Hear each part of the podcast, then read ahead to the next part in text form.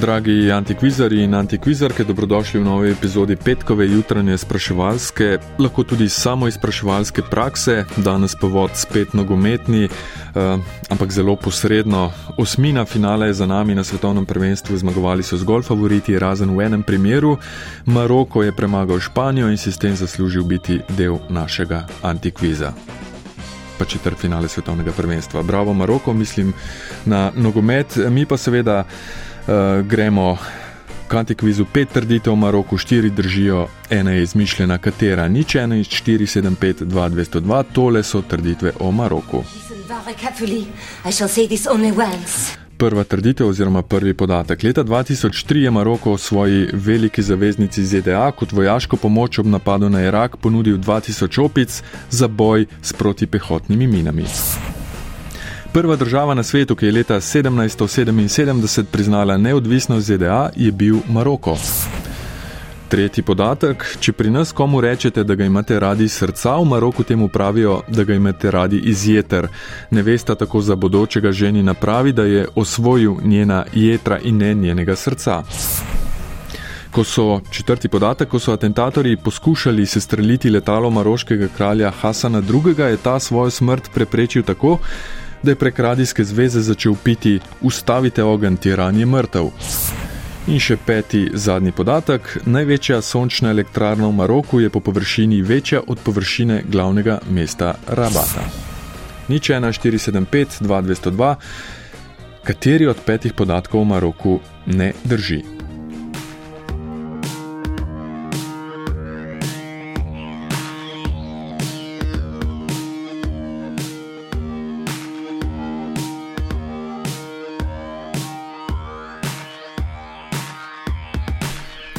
Torej, imamo opice uh, kot pomoč eh, za boj s protipehotnimi minami. Prvo državo, ki je priznala ZDA, to je bil Maroko, potem imamo ljubezen iz jeter, pa uh, tirana, ki je skoraj umrl, pa je sam preprečil svojo smrt s tem, da je nominiral se za tirana za potrebe pač. Uh, Svoje rešitve in še največjo sončno elektrarno v Maroku, ki je uh, Eh, enaka ali oziroma večja od površine glavnega mesta Maroka. Nič 1475-2202 iščemo od teh petih napačno trditev oziroma napačno zgodbo.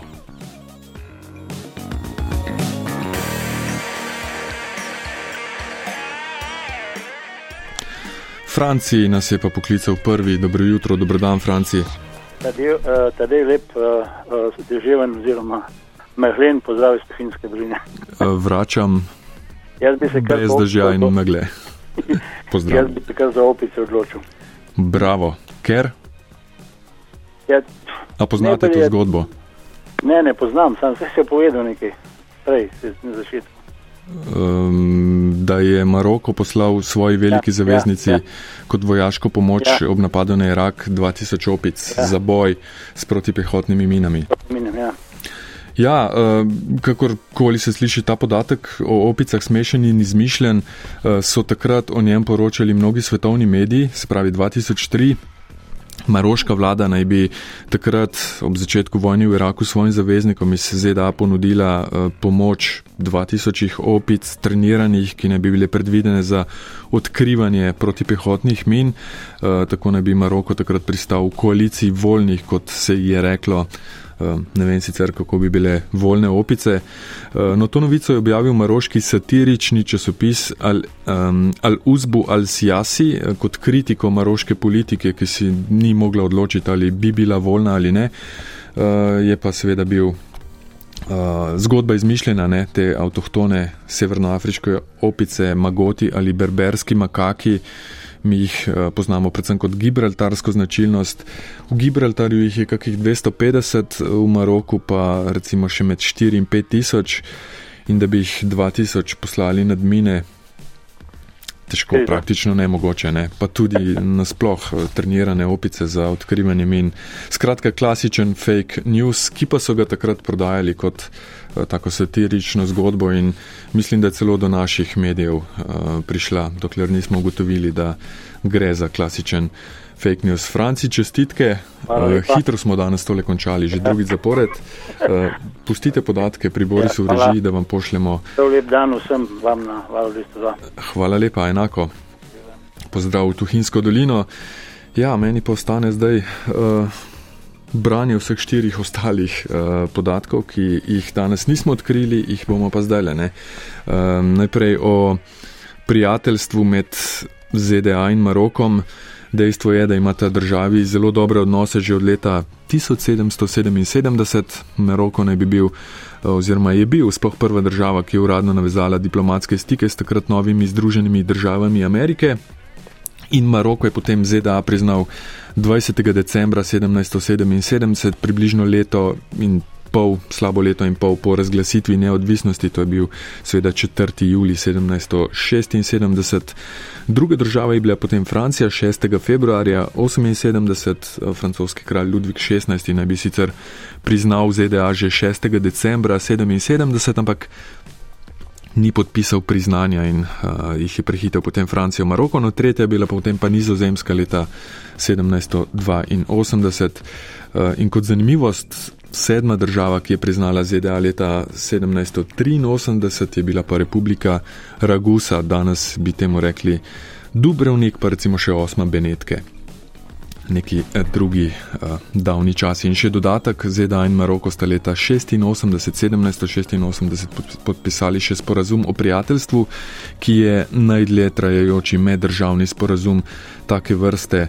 Um, in Ja, ko se človek spomni samo dogajanja v zadnjih 20 letih, predvsem na Bližnjem vzhodu, je jasno, da tisti skoraj četrt tisočletja star sporazum še vedno velja, recimo v odnosu do Al-Kaide pred leti. Uh, tretji podatek o jedrih in srcu, um, simbol ljubezni in bližine v Maroku so čisto zares jedra, ne pa srce. Uh, pri nas ti gre nekdo na jedra, ker je um, kar je ravno obratno kot to, da ti je nekdo pri srcu. V berberski kulturi naj bi pa jedra, zdrava jedra predstavljala dobro prebavo in počutje, to naj bi se potem preneslo tudi v jezik in nevesta bi tako ženino rekla: Osvojil si moja jedra. Pri nas bi verjetno rekla: Osvojil si moje srce. Bog ne da, da bi rekla. Na jedra mi greš. Um, četrti podatek o maroškem kralju Hasanu II. Um, Maroko je po francoski pa španski kolonizaciji spet postal neodvisen leta 1956, ko je oblast prevzel kralj Mohamed V. Po njegovi smrti leta 1961 je oblast prevzel njegov sin Hasan II., to je človek, o katerem govorimo. Maroko je vladal do smrti 99. ko je potem oblast prevzel sin Mohamed VI., zdajšnji maroški kralj. Za okvir, zdaj pa gremo nazaj k očetu današnjega kralja Hasanu II., predvsej um, konzervativni in neugodni osebi. Pod njim so leta 62 sprejeli novo ustavo, ki je sicer dovoljevala več strankarsko ureditev, ampak kralj je imel absolutno oblast. Leta 65 je potem, potem celo razpustil parlament, skratka, prišlo je do odpora z namenom ustanovitve republike in v začetku 70-ih posledično do dveh poskusov atentata leta 71 do tako imenovanega 40-sekundnega praznovanja rojstnega dne v kraljevi palači v Rabatu, neuspešno uh, praznovanje, se pravi rojstni dan in atentat. Leto pozneje, torej 72, pa so štiri vojaški F5 poskušali se streljiti kraljevi Boeing 727, ko se je kralj vračal iz Francije. Kraljevo letalo so močno poškodovali, umrlo je 8 oseb, 20 ranjenih. Napad pa je uspelo prekiniti kar samemu kralju, ki je takrat še pred strmoglavljanjem iz kokpita prek radijske povezave sporočil napadalcem: Ustavite ogen, norci, tiran je mrtev. Letalo je potem uh, hudo poškodovano pristalo, pravi uradna verzija. V tej uradni verziji je potem še odkriti um, organizator napada, general in tudi politik Mohamed uh, Oufkir, ki naj bi naknadno storil samomor. Uh, njegovo družino so potem za 20 let zaprli. Uh, takoj po zaporu so emigrirali v Francijo, kjer je Oufkirjeva hči v biografiji razložila, da se je njen oče precej nenavadno med samomorom ustrelil vsaj petkrat, uh, pa še to se je petkrat ustrelil. Bolj oddaleč, to dodajam pa jaz. In še peti zadnji podatek o sončni elektrarni Nur, Nur se imenuje največji tako objekt celo na svetu ne samo v Maroku, eh, mimo grede Nur je v arabščini, to vemo, svetloba in luč, eh, tudi kar pogosto osebno ime. Maroko se je v začetku tisočletja lotil obsežne reorganizacije svoje energetike.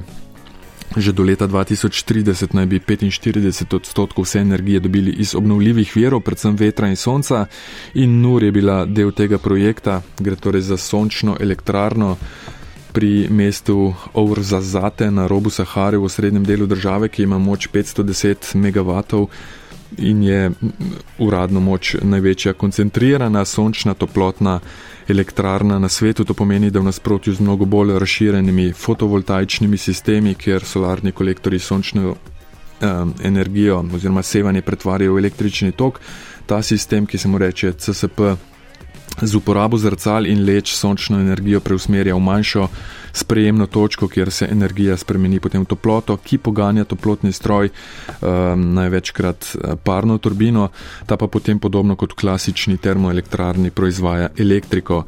To je sicer dražja tehnologija, ki pa ima to prednost, da lahko energijo tudi shrani.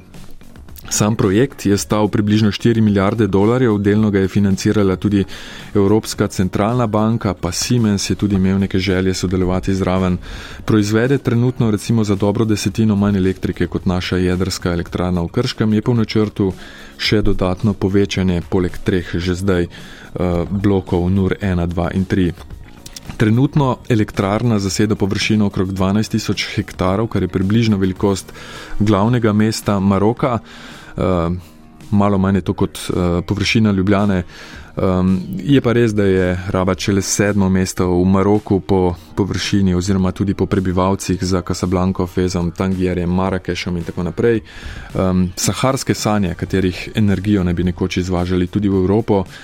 Pred kakimi desetimi leti so imeli resne pogovore z Nemčijo, ampak so na koncu ugotovili, da bi bila dobava um, energije tako daleč stran, uh, preveč nezanesljiva. Je pa ta sončna elektrarna s CSP tehnologijo v primerjavi s klasično fotovoltaiko manjša od kakšne druge sončne elektrarne, da nimo največja sončna elektrarna uh, s paneli na svetu je petkrat večja od Nura.